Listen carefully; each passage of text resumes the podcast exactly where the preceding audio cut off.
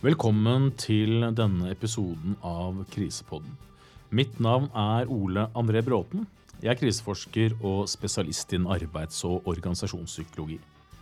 I denne delen av Krisepodden så skal vi gå videre fra forrige episode, hvor vi hadde fokus på det å utvikle det vi da kaller høypålitelige organisasjoner. Og de kjennetegnes av at man har fokus på de som møter krevende situasjoner i første linje, og at man bygger systemer for øvelse, trening og læring rundt disse situasjonene. Denne episoden handler om begrepet resiliens. Og resiliens det kommer fram som et viktigere og viktigere både tema og spørsmål i dag. Og dette henger selvfølgelig sammen med at vi er på vei ut av en langvarig krise, som jo også var utgangspunktet for nettopp denne podkasten.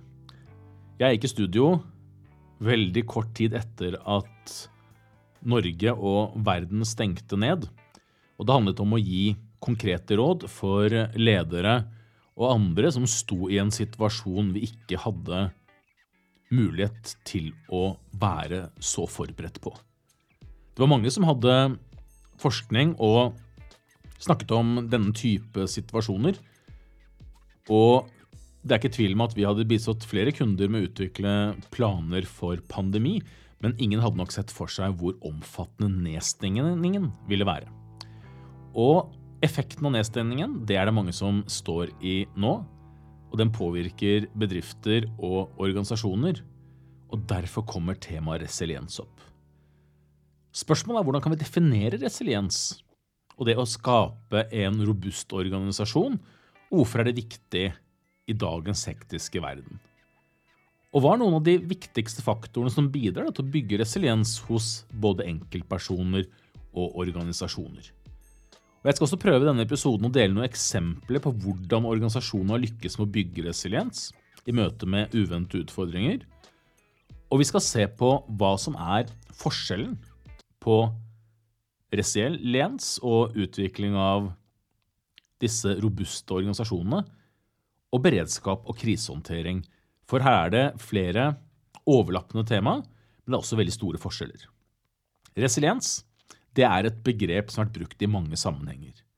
Fra økologi til psykologi, og historisk sett så har det benyttet for å benytte og beskrive evnen til materialer som motstår deformasjon og brudd. Og det er jo da materialer som er veldig resiliense, og som tåler veldig mye. Begrepet resiliens og selve ordet det går tilbake til det latinske ordet resilio, som betyr å sprette tilbake eller hoppe tilbake. Dette ble senere tatt opp av det engelske språket, og ordet resilience har da blitt brukt til å beskrive da den type materialer som kan sprette tilbake sin opprinnelige form, etter å ha blitt påvirket av ytre påkjenninger som trykk eller støt.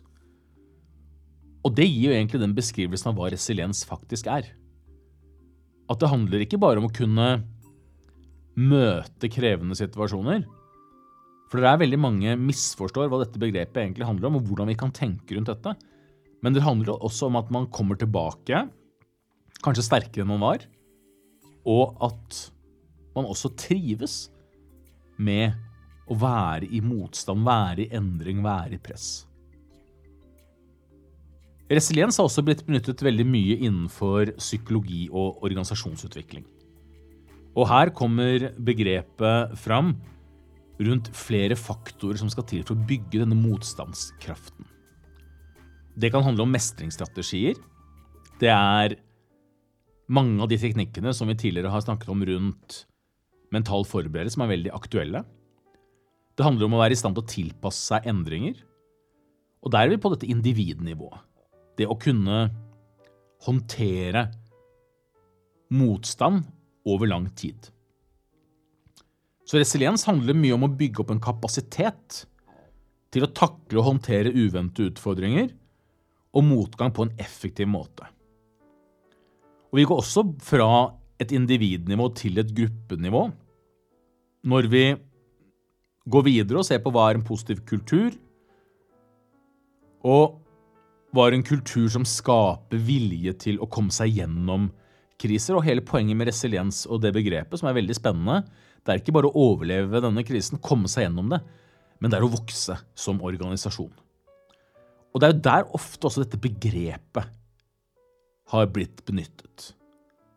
For i løpet av 1800-tallet, etter at dette har vært benyttet i forhold til ulike materialer som ikke bare takler det ytre trykket, men kommer tilbake, spretter tilbake, så begynte man å benytte dette mer og mer i forhold til personer som takler å møte vanskeligheter.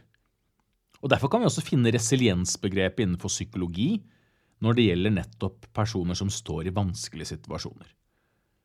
Og Forskning på 60- og 70-tallet gikk videre til å se på nettopp de som kommer seg gjennom og, og lykkes, da. Selv når de har vanskelige oppvekstforhold. Og I Norge så snakker vi ofte om det vi kaller løvetannbarn. og Det er jo personer da som klarer seg selv om forutsetningene ikke er de beste. Så Derfor har dette, handler det om det å møte motstand. Det handler om å, det strukturelle i resiliens. Det handler om det å klare seg selv om forutsetningene ikke er så veldig gode. Og som vi bruker det i dag, så bruker vi dette mye innenfor organisasjonspsykologi. Og da handler det om å bygge opp organisasjoners evne til å takle og tilpasse seg endringer, utfordringer, men også da krise på en veldig effektiv måte. Vi ser både på interne og eksterne påvirkninger. Og Det kan være alt fra den situasjonen vi står i nå, med økonomiske nedgangstider, endringer i markeder, til mer ekstreme situasjoner som det vi har vært gjennom med f.eks. en pandemi. Så når vi skal bygge opp resiliens i en organisasjon, så jobber vi på et individnivå med å, å utvikle mestringsstrategier.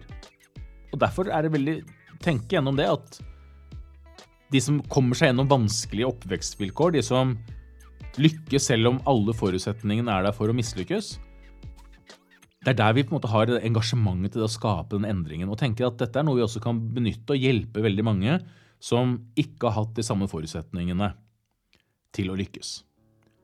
På et organisasjonsnivå så handler det om å bygge en kultur som fremmer åpenhet og tillit og samarbeid. Og her har vi klare overføringsverdier til begrepet vi kaller psykologisk trygghet. Og det skal vi se litt nærmere på i neste episode. For disse begrepene her de blir bare viktigere og viktigere. Og det å bygge da robuste, resiliente organisasjoner med høy grad av psykologisk trygghet, det kan høres ut som en floskel, men det er det veldig mange er opptatt av i dag.